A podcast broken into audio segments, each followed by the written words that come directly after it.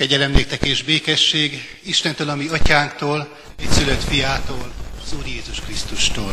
Amen.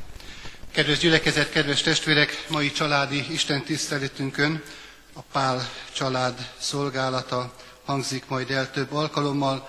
Isten tiszteletünket a 32. Zsoltár éneklésével kezdjük meg. A 32. Zsoltár első versét énekeljük el, amely így kezdődik, Ó, mely boldog az ó ember éltébe.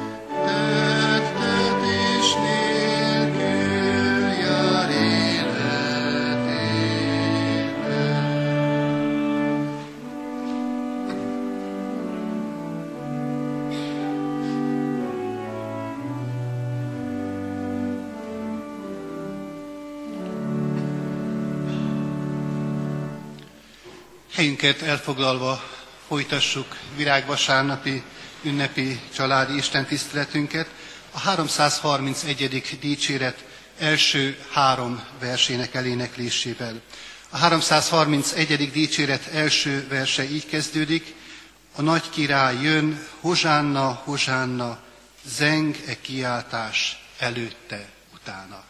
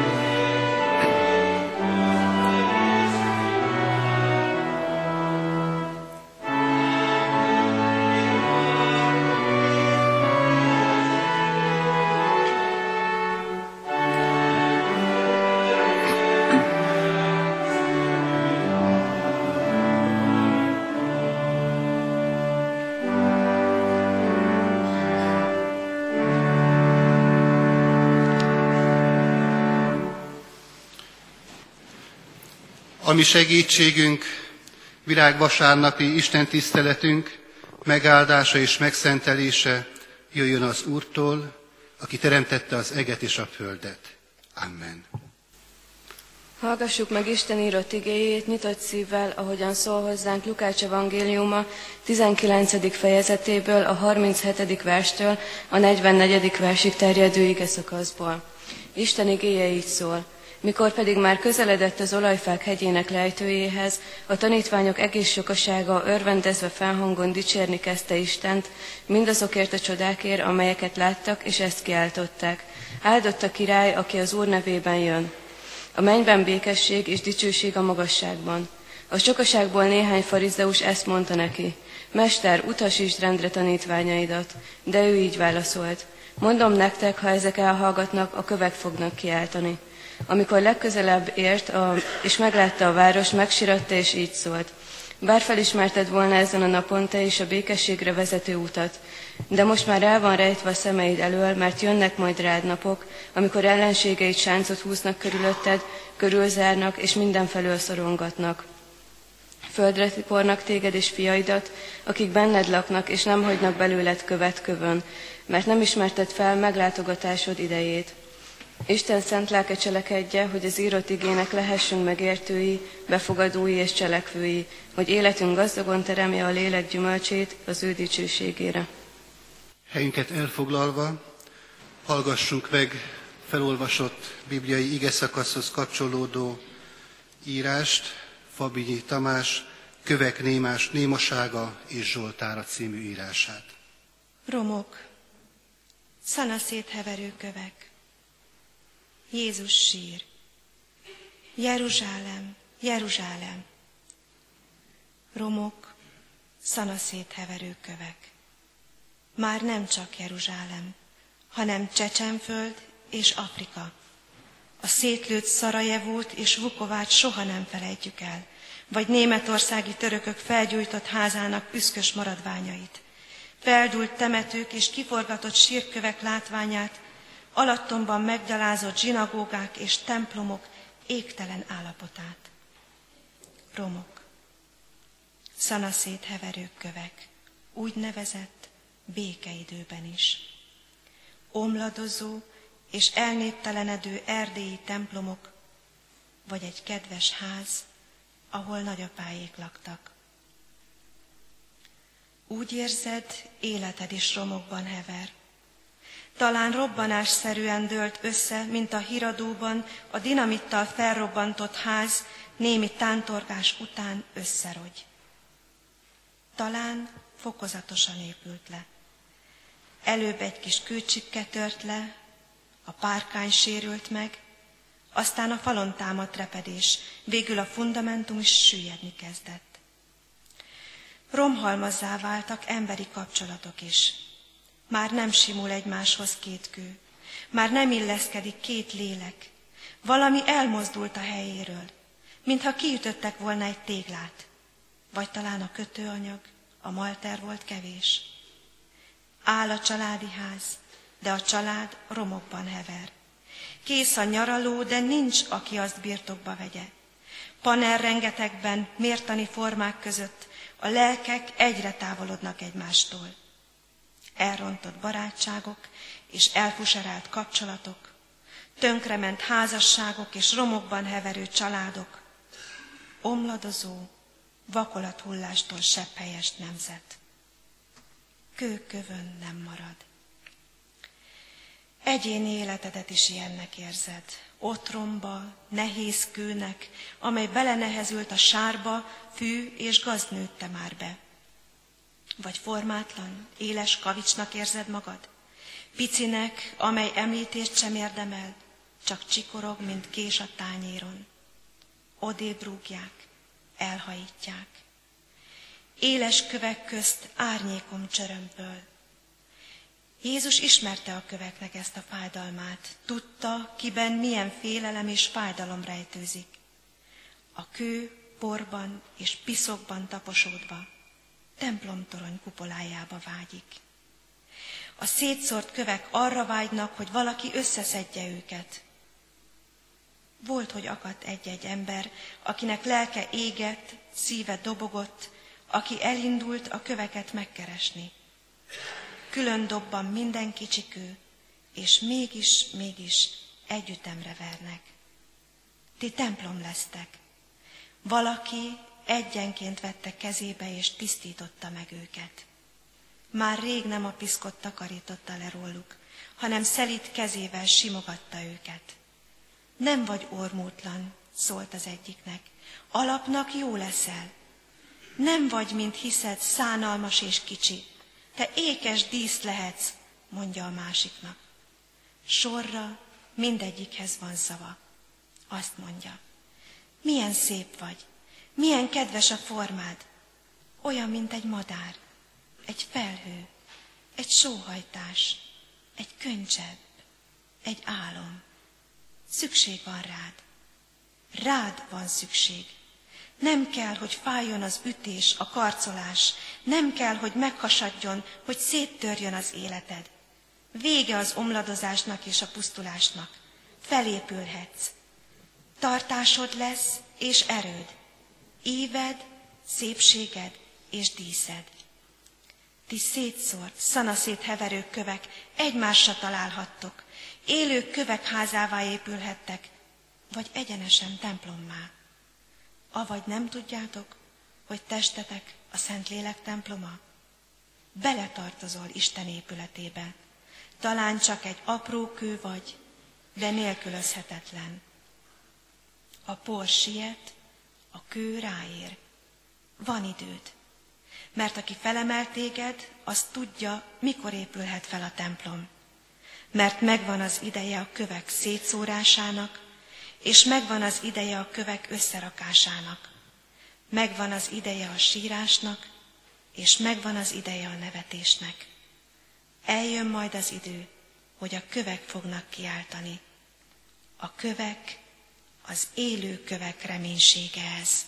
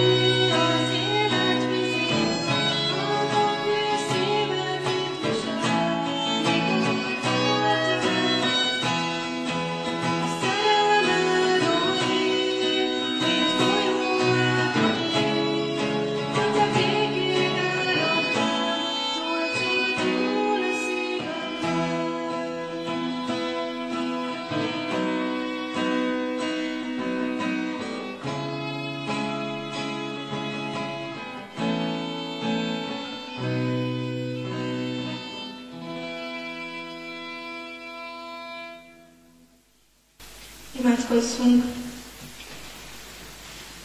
Dicsérjétek az Urat, dicsérjétek Istent a templomban, dicsérjétek széles mezőn, dicsérjétek hatalmas tetteiért, dicsérjétek nagyságához méltóan, dicsérjétek körcengéssel, dicsérjétek, dicsérjétek akusztikus és basszusgitárral, dicsérjétek dobbal és szintetizátorral, dicsérjétek táncos liturgiával, Dicsérjétek zongorával és szájból, szájharmonikával, orgonával, fuvolával, flujával és csellóval. Dicsérjétek Bakhámmal, miséjével és gitárszólóval. Dicsérjétek szilárdsági népzenével és pendeleckivel. Dicsérjétek pentaton dallamokkal és kantátákkal. Felkendős nénik, öltönyös urak, gyármelósok és farmeros fiatalok, dicsérjétek az Urat. Minden ember dicsérje az Urat. Amen. Kedves testvérek, kedves gyülekezet, Isten igét olvasom, melynek alapján Isten lelkének segítségével az ő üzenetét hirdetni szeretném. Az az ige szakasz, amelynek alapján Isten igét hirdetni kívánom, az imént hallott bibliai rész folytatásaként olvasható a Szentírásban, Lukács evangélium a 19. fejezetéből, a 45. verstől kezdve, a fejezet végéig, a 48. vers végéig olvasom Isten írott igéjét. Azután bement a templomba, tudnélik Jézus, és kezdte kiűzni az árusokat, és ezt mondta nekik. Megvan írva, és az én házam imádságháza legyen, ti pedig rablók barlangjává tettétek. Ezután naponként tanított a templomban, a főpapok, az írástudók, a népvezetőivel, népvezetőivel azon voltak, hogy elveszítsék. De még nem találták meg a módját, hogy mit tegyenek vele, mert az egész nép hallgatva őt rajongott érte. Kedves ünneplő gyülekezet, kedves testvérek, az imént hallott bibliai ige szakaszok Jézus Jeruzsálemi bevonulásának a történetét tárták elénk, vagyis a virágvasárnapi történetet. Bevonult Jézus Jeruzsálembe, és kérdést, hogyha feltesszük, hogy mit cselekedett ezután, hová ment Jézus, akkor nagyon egyértelmű és világos feleletet kaphatunk Lukács evangéliuma alapján. Először Jézus a templomba ment. És egyből adódik a következő kérdés, miért vezetett Jézusnak az első útja a templomba? Nos hát a templom Jézus életében egy nagyon fontos hely volt. Jézus nagyon szerette a templomot. Több alkalommal is, amikor Jeruzsálemben járt, akkor ott volt a templom környékén, ott tanított, számára fontos volt ez az épület. Hiszen itt metélték körül nyolc napos korában, itt tanította 12, éves, 12 évesen Isten dolgaira a doktorokat, és most is utolsó útja, megérkezése Jeruzsálemi tartózkodása kezdetén itt van a Jeruzsálemi templomban. Ez a templom egy óriási épületkomplexum volt abban az időben. Több részre tagolódott. Voltak különböző udvarai ennek a hatalmas épületnek. Volt a legkülső része az úgynevezett pogányok udvara. Ez azt a célt szolgálta, hogy akik ugyan nem zsidónak születtek, de mégis lehetőséget kapjanak arra, hogy a mindenség urával, az egy és igaz Istennel találkozhassanak. Őt ott azon a megszentelt helyen imádságukban megszólíthassák.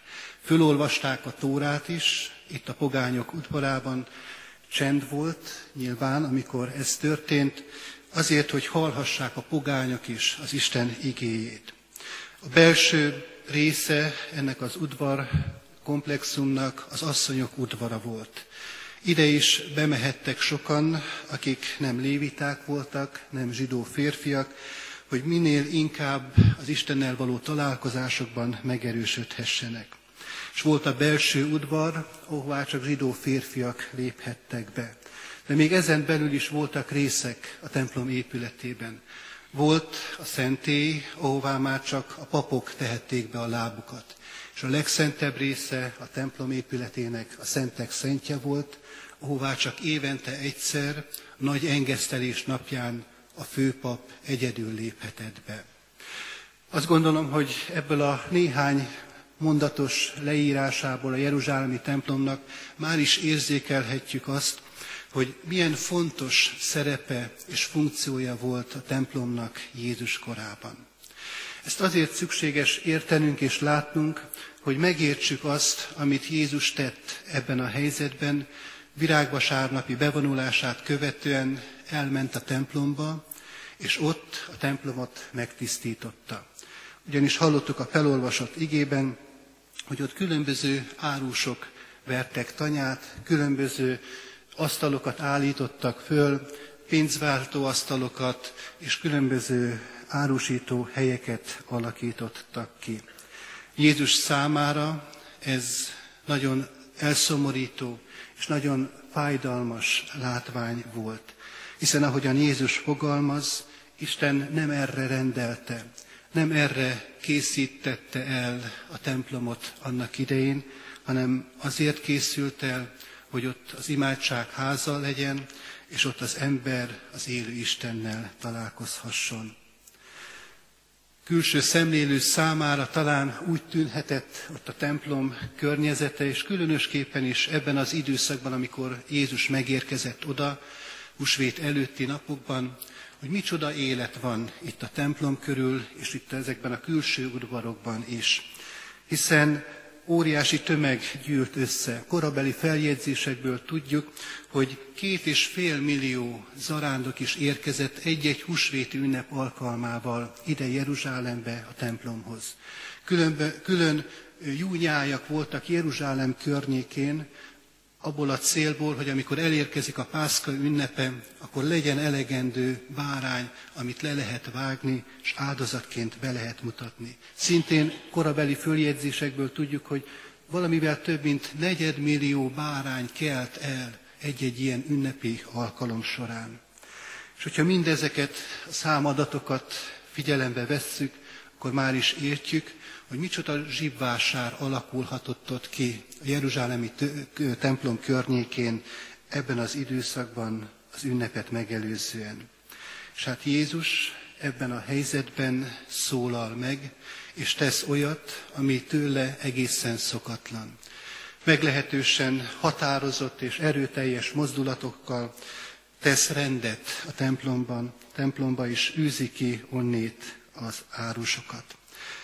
Hogyha mai szóhasználattal akarnánk jellemezni ezt a kialakult helyzetet, akkor azt mondhatnánk, hogy egy vallásos nagyüzem működött ott a Jeruzsálemi templom környékén. Hogyha még élesebben szeretnénk fogalmazni a kialakult helyzetet, akkor azt mondhatjuk, privatizálták az egyházat. Mindenki a maga hasznát kereste, és sok esetben találta is meg ott a templom környékén jó üzlet lett a templom. Jó üzlet és komoly profitot termelt mindaz, ami ott a templom környékén történt. És Jézusnak ez a tette, hogy megtisztította a templomot, nagyon világossá teszi azt, hogy az egyház az nem az egyházé. A templom az nem önmagáért való. Jézus nem a templomot ítélte el, amikor ezt cselekedte, hanem akik rablók barlangjává tették azt, azt az indulatot, azt a lelkületet, amely mindezt eredményezte.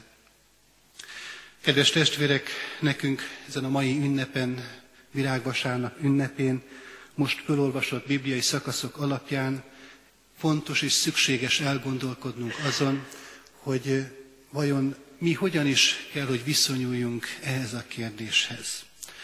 És talán önkéntelenül is egyből erre az épületre gondolhatunk, amelyben most vagyunk, erre a szép ősi templomra. De hadd irányítsam a figyelmet arra, amire az imént fölolvasott Fabinyi írás is figyelmeztetett minket, hogy nem csak ilyen kőből épült templomról lehet szó akkor, amikor Jézus tisztító szándékáról beszélünk mert ahogyan Pálapostól leveléből tudjuk, a Szentlélek temploma mi magunk vagyunk, a mi testünk, a mi életünk. A mi életünk az Isten dicsőségének szintere kellene, hogy legyen. És voltak éppen az egész életünknek Isten tiszteletnek kellene lenni.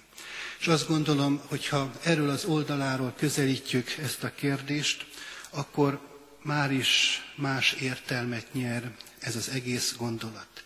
És ott van önkéntelenül számunkra is a kérdés, nem privatizáltuk-e mi is a Szentlélek templomát? Vajon nem az történt-e, ami Jeruzsálemi templommal is megtörtént Jézus idejében? Az Isten előtti elcsendesedés helyét megmásítottuk és megváltoztattuk. Kiszorult abból a csend, kiszorult belőle az imádság, kiszorult a Szentlélek templomából a hála, és betódult helyére a zúgolódás, az elégedetlenség, a követelőzés. Mindenki maga ítélje meg, hogy e kérdés tekintetében hol tart az élete, és mi jellemző rá. Kedves testvérek, a mai alkalommal, virágvasárnappal a nagy hét veszi kezdetét. Az elkövetkezendő héten sok mindent teszünk, és sok mindent tehetünk. Például az otthonainkat rendbe tesszük az ünnepre készülve. De van egy ennél fontosabb teendőnk is az elkövetkezendő hét során. Egy egész hetes bűnbánati sorozat veszi kezdetét holnap estétől kezdve, hat órai kezdettel itt a templomban, amelyre hívogatunk nagy szeretettel mindenkit, együtt készülhetünk husvét ünnepére, együtt készülhetünk az Úr asztalához. És ezek az alkalmak, ezek a bűnbánati esti istentiszteletek azt a célt szolgálják a mi életünkben, hogy észrevegyük mindazokat a rendetlenségeket, mindazokat a helytelen dolgokat, mindazokat az Isten templomában nem illő részleteit az életünknek, amelyeket ki kell onnét vetni, amelyekre nem csak, hogy nincs szükség, hanem kimondottan akadály számunkra az Istennel való kapcsolatunkat illetően. Az elkövetkezendő hét lehetőséget kínál számunkra, hogy rendbe tegyük a kapcsolatainkat. Rendbe tegyük a kapcsolatunkat a mindenség urával, az Úristennel, és rendbe tegyük kapcsolatainkat családjaink tagjaival, szeretteinkkel.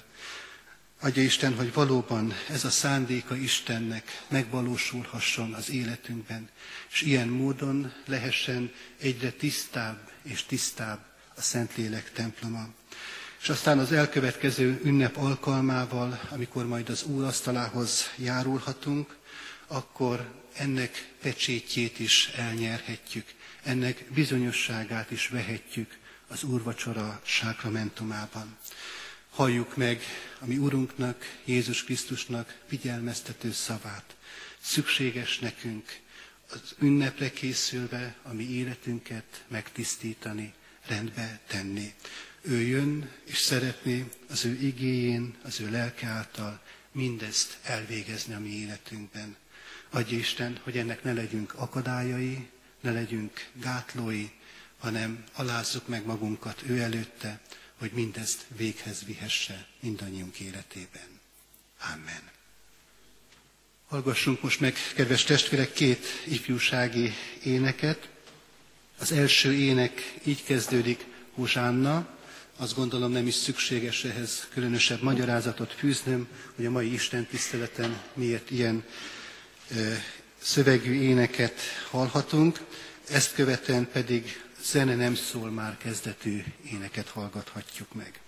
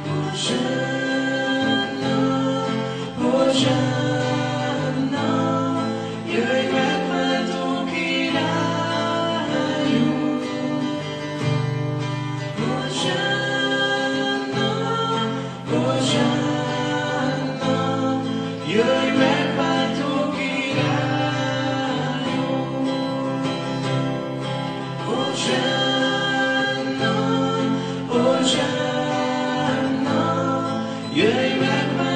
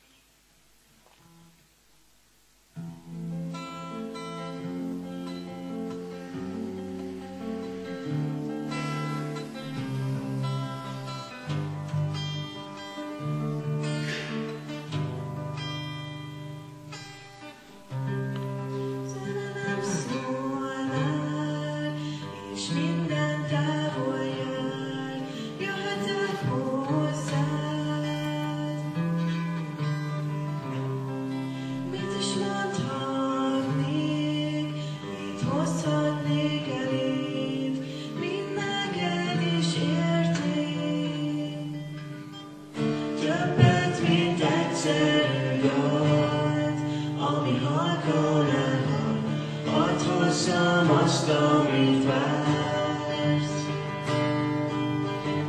Tudom, hogy mélyebbre látsz, húzd a felszínen át, bennem te kincset találsz.